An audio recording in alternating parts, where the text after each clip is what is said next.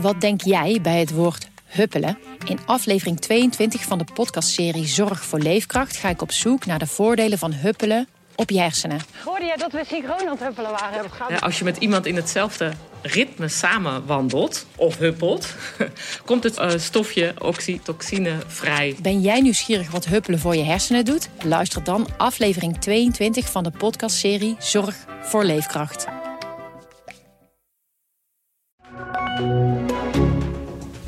Dit is de AD Nieuws Update met Jora Rienstra. De 22-jarige Javous O. uit Amsterdam moet vandaag voor de rechter verschijnen voor het plannen van een aanslag op demissionair premier Mark Rutte. Verslaggever Cyril Rosman volgt de zaak. Ja, Cyril Javous O. heeft via chatdienst Telegram plannen voor aanslagen gemaakt. Wat staat er in die berichten? Er waren heel veel uh, chats, heel veel berichten die teruggaan tot december vorig jaar. En daarin praat hij en een aantal anderen echt openlijk over het, het op politici. Uh, ze zoeken hitters en dan gaan we uh, met de auto voorbij rijden, raampje open en knallen maar. Ja, anderen praten over een operatie waarbij martelaars nodig zijn. Dus het, het, was echt heel openlijk en openbaar te lezen voor mensen die dat kanaal konden, konden vinden. Ja, de politie hoefde eigenlijk alleen maar op print te drukken en ze hadden een belastend dossier. En wat weten we verder over deze verdachte? We weten dat het een 20 jaar Amsterdammer is. Uh, dat hij geen strafblad heeft. Althans, dat zegt zijn advocaat. En die advocaat die zegt ook dat hij uh, nooit de intentie uh, heeft gehad om nou, daadwerkelijk iets te doen. Voor de rest weten we nog vrij weinig van hem. En ik hoop dat we daar vanmiddag iets meer eh, over horen. Ja, om nog even dieper daarop in te gaan. Dat, hij zegt, hè, dat ze zeggen dat hij geen intentie had om echt iets te doen. Ja, hoe zit dat dan precies? Want ja, dreigen via Telegram is natuurlijk behoorlijk serieus, toch? Ja, zeker. Maar ook omdat de politie heeft natuurlijk verder onderzoek gedaan en ze zijn uh, volgens het lastverlegging was hij ook echt op zoek naar, naar wapens. Uh, heeft hij ook offline, dus in de echte wereld, met mensen afgesproken om over dit soort dingen te praten. Nou ja, hoe serieus het natuurlijk ja, echt is geweest, dat, dat, dat is lastig om nu vast te stellen. En misschien is dat wel lastig om het ooit vast te stellen. Want ja, ehm, de grens tussen iets roepen en iets daadwerkelijk gaan doen is natuurlijk nog wel groot. Maar dat dit serieus is en dat, je, nou ja, dat dit serieuze dreigingen zijn, dat, dat is wel duidelijk. En welke straf hangt Javous Oni boven het hoofd? Dat vind ik wel een ingewikkelde. Uh, als je kijkt naar uh, mensen die een beetje ook uit dezelfde complothoek komen als, als, als hij. Daar zijn de afgelopen maanden nou, tot negen maanden cel uh, tegen opgelegd. dat waren mensen die onder, onder andere Jaap van Dissel hebben bedreigd. Maar ja, die gingen niet zo ver als deze Javous nu lijkt te zijn gegaan. Want hij was nou, waarschijnlijk daadwerkelijk echt op zoek naar wapens. En dat is nog wel een graadje erger. Dus ik ben erg benieuwd wat, er, wat eruit gaat komen. Daar gaat het vandaag overigens nog niet over. hij zit nu, nu drie maanden vast. En vandaag zal het over gaan. Moet hij nog langer vast blijven zitten of komt hij voorlopig vrij? ik denk dat pas volgend jaar echt de inhoudelijke behandeling van deze zaak zal zijn. Nou, Cyril Rosman, dankjewel. Topspits Karim Benzema moet vandaag voor de rechter in Frankrijk verschijnen. De voetballer wordt verdacht van afpersing van mede-international Mathieu Valbuena. Benzema zou in 2015 gedreigd te hebben een seksvideo te onthullen als Valbuena geen geld zou betalen. Frankrijk-correspondent Frank Renaud vanuit Parijs. Ja, wat is de precieze rol van Benzema in deze afpersingszaak? Het gaat inderdaad om een zaak die alweer dateert uit 2015. Mathieu Valbuena, de Franse international, kwam er toen achter dat er een video van hem circuleerde, een seksvideo. Dat was een filmpje dat hij zelf had opgenomen met zijn telefoon, maar het was uitgelekt. Nou, hij waarschuwde de politie, de politie ging onderzoek doen en die stuitte op een clubje mannen die van plan waren om Valbuena te chanteren. Ze wilden naar verluid 150.000 euro hebben en in ruil daarvoor zou dan die video vernietigd worden. Maar goed, ze moesten natuurlijk in contact komen met uh, Valbuena, die mannen. Dus dat hebben ze gedaan. Ze hebben een tussenpersoon ingeschakeld. Dat was een jeugdvriend van Karim Benzema. Die jeugdvriend ging naar Benzema toe en die zei tegen Benzema: Wil jij contact leggen met Valbuena? Nou, dat gebeurde in oktober 2015. Toen was er een trainingskamp van het nationaal elftal van de Fransen. Benzema sprak met Valbuena. Die uh, band kwam ter sprake, die video kwam ter sprake. En Benzema bood aan dat hij een tussenpersoon wist die een en ander op kon lossen.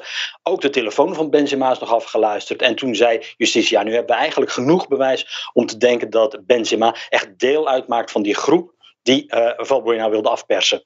Ja, die afpersing was al in 2015. Waarom komt deze zaak nu pas voor de rechter? Dat heeft heel lang geduurd. Het duurt vaak al heel erg lang justitiewerk in uh, Frankrijk. Maar in dit geval speelde ook mee dat het natuurlijk ging om een ingewikkelde zaak. Hè. Er staan vier andere verdachten, behalve Benzema, ook nog terecht. Van iedereen moest precies de rol worden uitgezocht. Wat ze nou wel of niet gedaan hebben.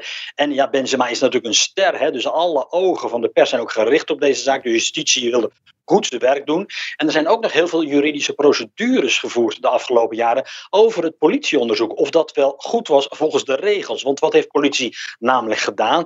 Toen Valbuena de politie alarmeerde over die sekstape, hebben ze een soort infiltrant ingezet. En die ging in contact treden met de afpersers om erachter te komen wie ze waren. Deed zich dus voor als een soort tussenpersoon, maar was dus een politieagent. Nou, er is heel veel juridisch gesteggel over geweest of dat wel of niet mocht. Uiteindelijk is besloten dat het wel mocht. En ja, toen kon het ook pas tot een proces komen natuurlijk. En welke straf hangt de topspits nu boven het hoofd? Als Karim Benzema schuldig wordt bevonden, daar moeten we natuurlijk op wachten. Dan kan hij vijf jaar cel krijgen of een boete van 75.000 euro. Hij wordt officieel verdacht van medeplichtigheid aan poging tot afpersing. Ja, Benzema is natuurlijk een van de grootste Franse voetballers en werd door deze zaak zelfs tijdelijk uit het nationale elftal gezet. Hoe reageerden ze daarop in Frankrijk? Nou ja, het is een hele grote zaak natuurlijk om een aantal redenen. Ten eerste gaat het om een strafzaak waarbij twee topvoetballers betrokken zijn. Karim Benzema en Mathieu Valbuena, niet de minste. Hè? Dus dat is al belangrijk. Dan heb je natuurlijk uh, de sekstape gehad. Dat maakt het allemaal voor sommige mensen pikant tussen aanhalingstekens. Hè? Dat het om een seksvideo gaat die Valbuena zelf zou hebben opgenomen. En ten derde speelt natuurlijk mee die rol van Karim Benzema. Inderdaad, een van de beste voetballers van deze tijden wordt wel gezegd. Nu ook in topvorm. En hij werd in 2015 ook geschorst door de Franse Voetbalbond. Hij mocht niet meer meespelen met het nationaal elftal. En pas dit jaar, dit voorjaar, werd hij voor het eerst weer teruggehaald bij Le Bleu. Mocht hij weer mee gaan voetballen. Dus Karim Benzema voelt zich zelf ook slachtoffer in deze zaak. Nou ja, grote zaak nog. Toch heeft het uh, tot slot, Frank, zullen ze aanwezig zijn in de rechtbank vandaag? behandeling van de zaak gaat drie dagen duren en daarna komt het vonnis. Maar op welke dag, welke maand het vonnis komt, dat weten we nog niet. Meestal gaat er enige tijd overheen voor de rechter tot een beslissing komt. Nou, dankjewel Frank Renaud. Het raketteam van TU Delft lanceert vanavond hun zelfgemaakte raket in Spanje. De lancering zou afgelopen vrijdag plaatsvinden, maar werd vanwege een mankement uitgesteld. Willem van Linde en Adriaan Smit behoren tot het raketteam van TU Delft. Ja, Willem, wat ging er precies mis vorige week? Nou, uh, we hadden een probleem met de loodcel laadcel uh, van de raket. Dat is een soort weegschaal die onderaan onze raket zit, waarmee we kunnen weten hoe vol we onze raket vullen met uh, onze oxidator die nodig is voor de vlucht. En we kregen daar geen goede waardes uit. Dus toen was het niet veilig om dan uh, door te gaan, want dan weet je niet hoe vol je tank eigenlijk zit. En Adriaan, hoe ziet uh, jullie raket er precies uit? Uh, onze raket is de grootste door studenten gebouwde raket ter wereld. hij is 8 meter lang, dus ongeveer zo groot als een klein huis. Als je eronder staat, is het ook echt, echt een groot ding. Onderste 5 meter zijn, zijn brandstof en is de motor. En uh, bovenop hebben we een mooie oranje punt en daar zit uh, alle elektronica in. Ja, het ziet er waanzinnig uit. Maar hoe, hoe doe je dat nou, Willem? Hoe bouw je nou zo'n raket? Hoe gaat dat in zijn werk? Nou, daar gaat uh, wel wat tijd over, overheen. We zijn nu al drie jaar ermee bezig. Um, en als studentengroep hebben we elke stap zelf uitgevoerd. We hebben dus het ontwerp komt zelf van ons. We hebben toen zelf ook allemaal binnen huis de raket gebouwd. Soms met, met wat hulp van andere bedrijven of met hulp van TU. Maar verder allemaal door onszelf. Um, en dat is zowel de constructie als de elektronica, als bijvoorbeeld ook de raketmotor. Dus zelfs de brandstof, die maken en mengen wij zelf. Je zegt de brandstof maak je en meng je zelf. Hoe, hoe, hoe zit dat dan met die brandstof, Adriaan? Wat zit er allemaal in? Wat is dat voor brandstof? Uh, het is heel grappig, want uh, we hebben een hele veilige brandstof gekozen. Die bestaat uit dingen die je eigenlijk in je eigen huis kan vinden. Dus uh, we hebben koffiezoetjes erin zitten. Dat, dat, dat plakt lekker en dat, dat fikt lekker goed. Um, kaarsvet zit erin en aluminiumpoeder. Dus uh, die combinatie van die drie dingen maakt dat de raket en heel veilig is en uh, ontzettend krachtig voor een door studenten gemaakte raket. Echt heel boeiend. Daar zou je toch nooit aan denken dat je met een paar koffiezoetjes en wat kaarsvet uh, de, de, lucht in kan gaan met een raket. Ja, Willem, welk, welk doel willen jullie hiermee behalen? Nou, wat we hiermee willen behalen is eigenlijk het promoten van meer toegankelijkheid naar de ruimte. Want het hele idee is dat als zelfs een groep studenten zover naar de ruimte kunnen komen, dan laten we daarmee zien dat het niet alleen maar een voorrecht is voor uh, ja, hele grote miljoenenbedrijven of instanties van de, de, specifieke regeringen. We kunnen gewoon als studenten kunnen we die lat naar de ruimte dus letterlijk en daadwerkelijk lager brengen. En dat is echt hartstikke nodig, want er is zoveel onderzoek wat gedaan kan worden in de ruimte, maar niet de kans krijgt nu. En dat willen we meer, ja, meer pushen, meer toegankelijk maken. Ja, en Adriaan, dit is natuurlijk een raket waar dan niemand in mee kan gaan. Maar ja, gaan jullie in de toekomst ook een bouwen waar ja, ik, eh, ik in mee kan. Ja, dat gaat een beetje moeilijk worden, want dan lopen we tegen zoveel uh, wettelijke eisen en uh, gedoe aan dat het eigenlijk voor ons studenten niet meer mogelijk is. Uh, dus het mooie aan deze raket is juist dat wij als studenten dit op een relatief eenvoudige manier kunnen doen. Al is het een ontzettend complexe operatie, maar dat gaat net een stapje te ver, vrees ik. dan wordt de challenge ook iets meer legaal dan uh, technisch of uh, vindingrijk. Nou, mooi jongens. Heel veel succes in ieder geval. Dank jullie wel.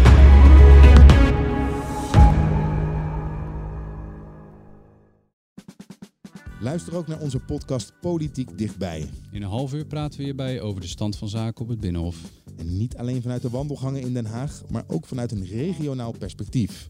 We zijn te vinden in onze app, op Apple Podcast en op Spotify. En wie zijn wij dan? Wij zijn Leonard Beekman en Tobias den Hartog.